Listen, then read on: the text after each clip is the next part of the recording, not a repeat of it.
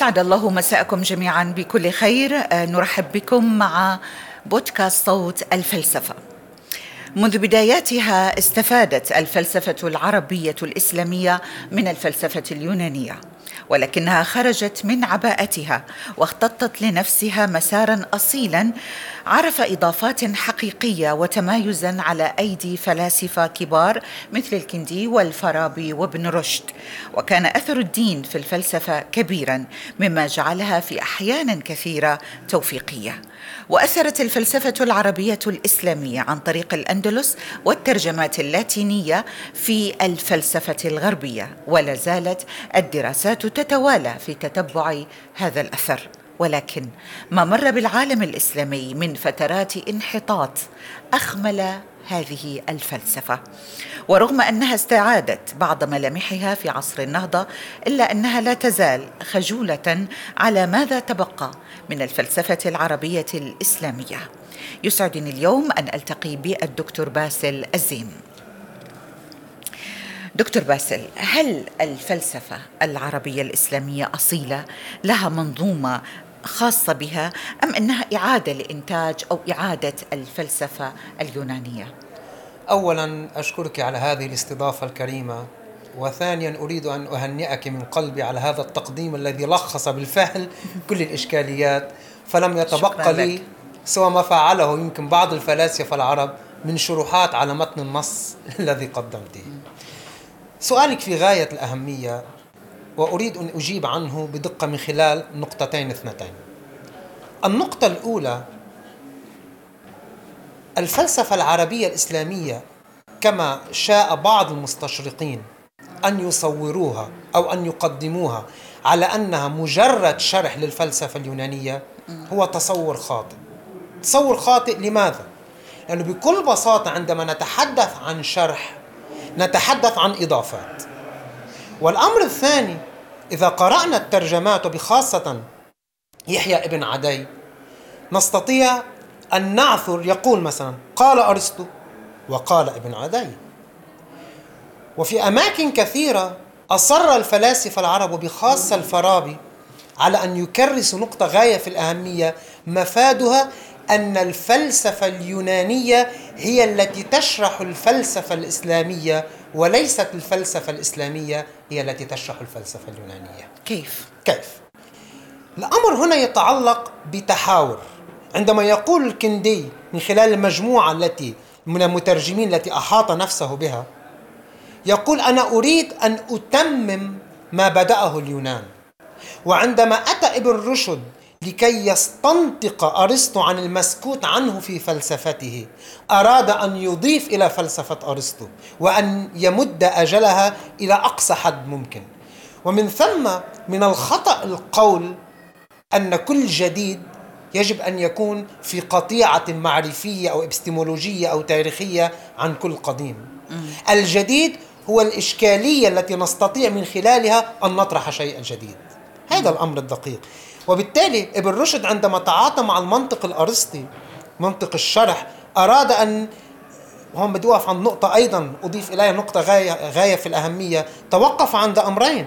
الأمر الأول مسكوت عنه وهذا ما شهدت به مدارس النقدية الغربية الحديثة. عندما نتحدث المسكوت عنه نتحدث عن إنجاز غربي عظيم. هو إنجاز لا يقولن أحد غير ذلك لكن ابن رشد أول من بدأه. والنقطة الثانية الوقوف عند الفروقات بين اللغتين. يقول ابن رشد عندهم وعندنا. أي أنه راعى يقولون ونقول. أول من تنبه إلى هذا الأمر. وبالتالي الفلسفة العربية لم تكن وعذرا على التعبير اشترار. لم تكن اشترارا للفلسفة اليونانية. بل كانت محاولة لفهم هذا النتاج العظيم. وهنا أفتح مزدوجين. نعم. استفادت. طبيعة الحال أن العالم العربي آنذاك والعالم الإسلامي لم يكن يعهد المدرسة المدارس الفلسفية. لم يكن نعهد هذا الأمر. هذا أمر وافد جديد. طب ما طبيعة الفائدة ما طبيعة الاستفادة إذا صح التعبير إذا لم يكن اشترارا في نظرك؟ سؤالك أيضا في مكانه. عندما نتحدث عن مسألة وأشرت إليها في البداية مسألة العقل والنقل. قد ينظر إليها البعض على أنها نوع من التوفيقية وقد شاء البعض أن يطلق عليها اسم التلفيقية. ابدا. التوفيقية إذا فهمت في عمقها نستطيع أن نفهم هذا الأمر وذلك لثلاثة أسباب. السبب الأول عندما كثرت المدارس والفرق والمذاهب الإسلامية احتاجت كل فرقة لأن تدافع عن نفسها باستناد إلى الحجج والبراهين. احتاجوا إلى الفلسفة اليونانية والمنطق اليوناني. والأمر الثاني وهذا يعود الفضل فيه إلى ابن رشد عندما قسم المعارف أو الخطاب النص القرآني الذي يتوجه به الله إلى البشر إلى ثلاثة أقسام الجدل والخطاب والبرهاني نعم. البرهاني لا يتيسر لنا أن نفهم الآيات القرآن وأن نتأولها تأولا صحيحا ما لم نملك طبعا قدرات عقلية وهذا ما أوصانا به القرآن الكريم آه، تعقلوا إلى آخره تمام؟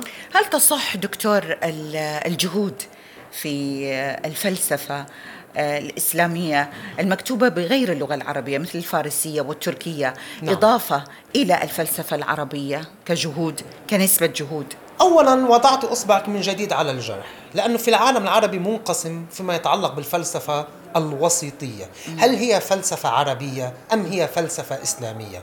في لبنان نحن حللنا هذا الإشكال من خلال أن أطلقنا عليها اسم الفلسفة العربية الإسلامية.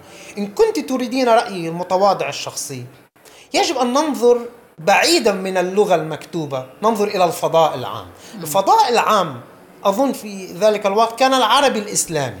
وبالتالي يجب أن نبتعد عن التسمية وننظر إلى الإضافات بحد ذاتها من دون التصنيف المناطقي أو التصنيف المذهبي أو التصنيف ما كانت فارسي أو عربي. لأن العرب في ذلك الحين هم الذين يدنين كانوا بالثقافة لكل الشعوب الأخرى. وخير دليل على ذلك أن الفتوحات العربية الإسلامية جعلت كل كل الدول التي دخل إليها العرب المسلمون يأخذون كتبها ومكتباتها ويأتون بها إلى دورهم. والأمر الآخر توسعت رقعة انتشار اللغة العربية. هذا أمر بالغ الأهمية. وبعد قليل سنأتي على ذكر إن تتسع الوقت الترجمة ودور الترجمة وهل نحتاجها اليوم. هناك تأثيرات يعني واضحة من خلال دراسات عديدة. تأثير التأثير الخلدوني أو التأثير الرشدي صحيح. إلى الفكر الفلسفي صحيح. العربي. ما رأيك في ذلك؟ يجب وفي الفلسفة بشكل عام. يجب نعم. نحن أيضا هنا أمام توجهين.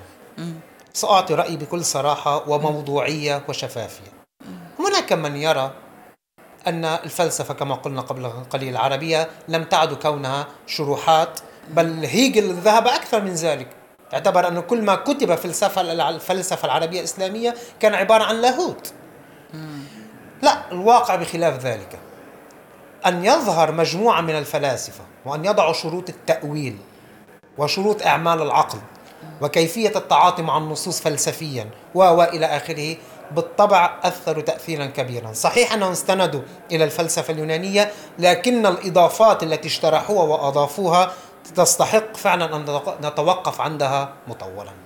أسماء مثل الجابري وبدوي وحرب والمرزوقي هل نعتبرهم فلاسفة عرب معاصرين أم نعتبرهم يعني ممارسين للفلسفة وتدريس الفلسفة؟ تريدين أن تحرجيني لا صراحة. يعني هل هم مدرسي الفلسفة أم هم فعلا فلاسفة هل تريدين رأيي الشخصي؟ عرب نعم رأيي الشخصي بكل بساطة وقد يختلف معه كثيرون م. من هو الفيلسوف العربي الممكن اليوم؟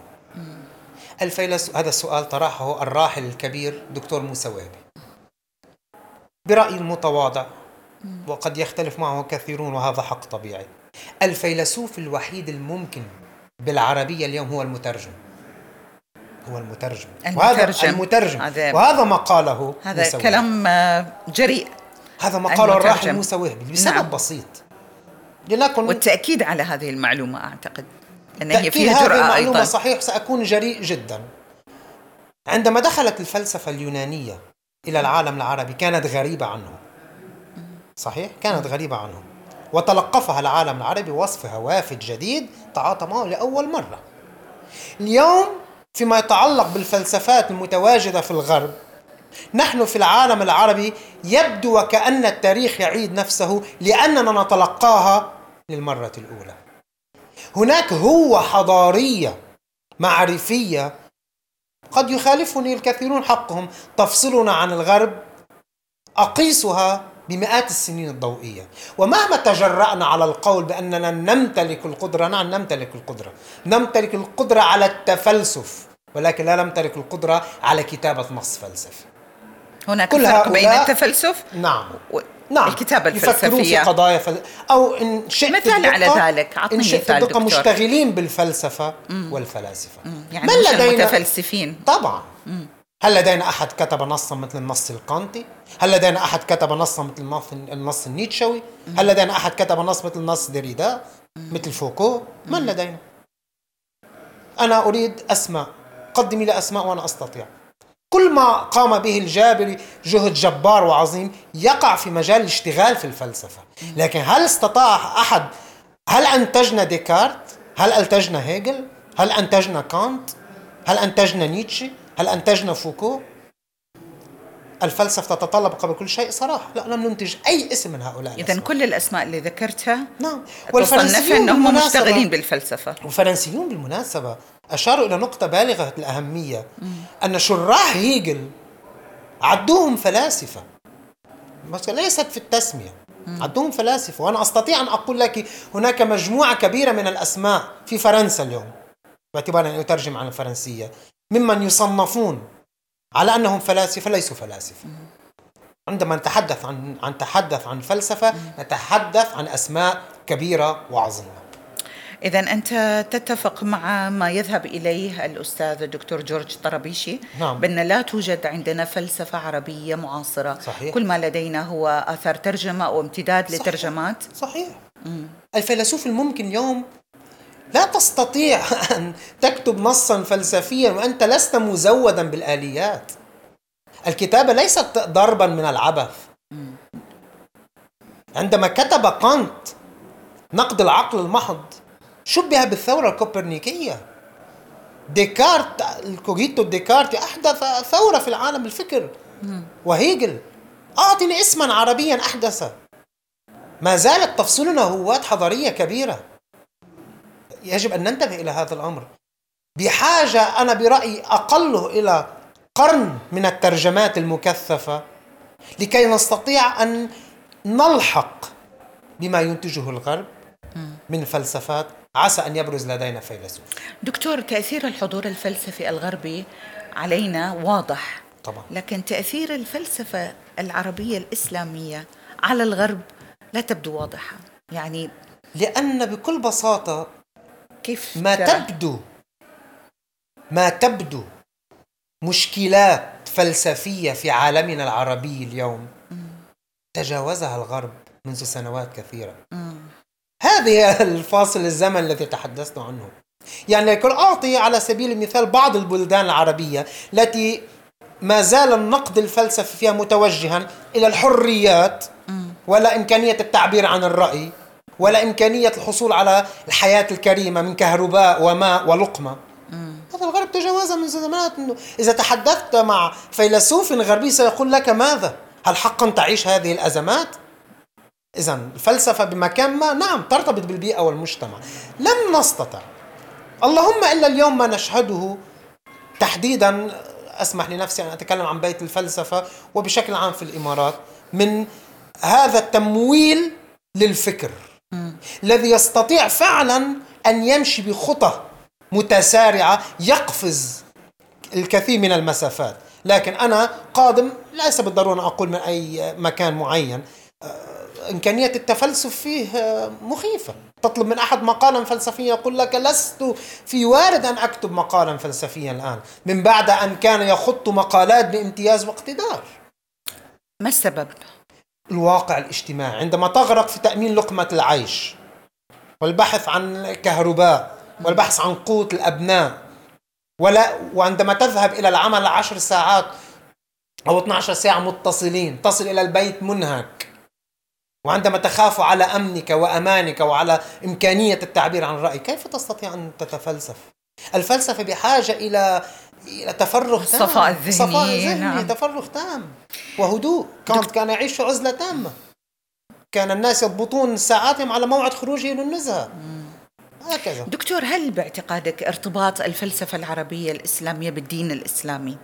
يعني آه، حمل هذا هذه العلاقة حملتها بحمولات أيديولوجية حالت دون يعني آه، آه، تبنيها فلسفة عربية أو فلسفة غير إسلامية؟ يعني حتى العالم الغير إسلامي لا يستطيع مقاربة هذه الفلسفة بسبب هذه الحمولة الدينية أو الأيديولوجية إذا صح التعبير؟ أنا لأكون أيضا صريح. لم يكن برأيي لم يكن بإمكان الفلاسفة في ذلك الحين أن يكونوا رؤية فلسفية مستقلة. كان لديهم المضمون أو الموضوع لكن يحتاجون إلى المحمول لكي يسقطون يسقطوا نظرياتهم عليه. بمعنى أعطني أوضح. أمثلة دكتور. بمعنى أوضح شروط التأويل شروط إعمال العقل لم يكن بإمكان ابن رشد أن يستخدمها ليبني نظرية فلسفية من دون أن يطلب تطبيقها على النص الديني. كان بحاجة إلى مصداق ما يطبق عليه هذا الأمر. وبالتالي عندما نظروا في آيات القرآن الكريم وجدوا فيها هو ولا ابن سينا ولا غيره وجدوا فيها فعلا الإعمال العقلي نستطيع أن نجدها هنا. قل هو الله أحد الهو تشير إلى المطلق الذي ليس يحتاج في وجوده إلى أحد. في تأويل على افتراض كثير من الآيات التي تم تأويلها تأويلا عقليا. كانوا بحاجة إلى تفريغ هذه الإمكانات العقلية خلال استناد إلى النص الديني؟ لا تستطيع أن تشق طريقك بنفسك منذ اللحظة الأولى. وبالتالي أنا أرى أن الدين الإسلامي كان سندا حقيقيا لهم لكي يستطيعوا أن يتلقفوا الفلسفة بشكل صحيح. التصوف. نعم. آه التصوف كجزء روحاني في الثقافة العربية الإسلامية. صحيح. هل ممكن نعتبر آه التصوف رافعة؟ يعني رافعة لهذه الفلسفة. ممكن تسد ثغرة يعني في فلسفة الغرب. يعني كون الفلسفة العربية الإسلامية عندها هذا الحق أنك لا تريدين أن يبقى لي صاحب اليوم. أنا بقراءة متواضعة. أو غير متواضعة كما تشائين. أرى أن التصوف نشأ كردة فعل سياسية وأكثر منها ردة فعل دينية. ما خلا بعض الاستثناءات. إن ردة الفعل والتمرد على السلطة أخذ الشكل التصوف الديني. سياسي. طبعا. مش روحاني طبعا. ردة فعل سياسية. طبعا. لا تستطيع أن تجابه السلطة في ذلك الحين بهذه الطريقة. تم عملية تحويل تم التلفيق. هي هنا التلفيق. طبعا هذا لا يعني عدم وجود متصوفة حقيقيين. لكن بكل بساطة أنا رأيي من جديد التصوف لا يدخل في مجال الفلسفة. الفلسفة شيء والتصوف شيء آخر. ما ممكن تكون رافعة؟ التصوف لا علاقة له بالفلسفة. التصوف عبارة عن علاقة ربانية ولا علاقة فردانية تجمع المتصوف بربه. لكن أين أينها من الفلسفة القائمة على منهج العقل والاستدلال؟ حتى عندما تحدث كبار فلسفة الفلاسفة الغرب عن مثل هايدجر عن أنماط مختلفة من التعاطي أو التعامل مع القضايا الفلسفية غير مستندة إلى آليات العقل الحساب، لم يقصدوا التصوف، والبعض اتهم هايدجر بالتصوف. وفي كتاب صدر عن بيت الفلسفة حديثا للدكتور مشير عون اسمه عن هايدجر في المتناول الفلسفي العربي الإنسان ورعاية الكينونة، الإنسان في رعاية الكينونة. لا رفض أن يتم هذه المقاربة المجتزأة ابدا، الأمر ليس كذلك.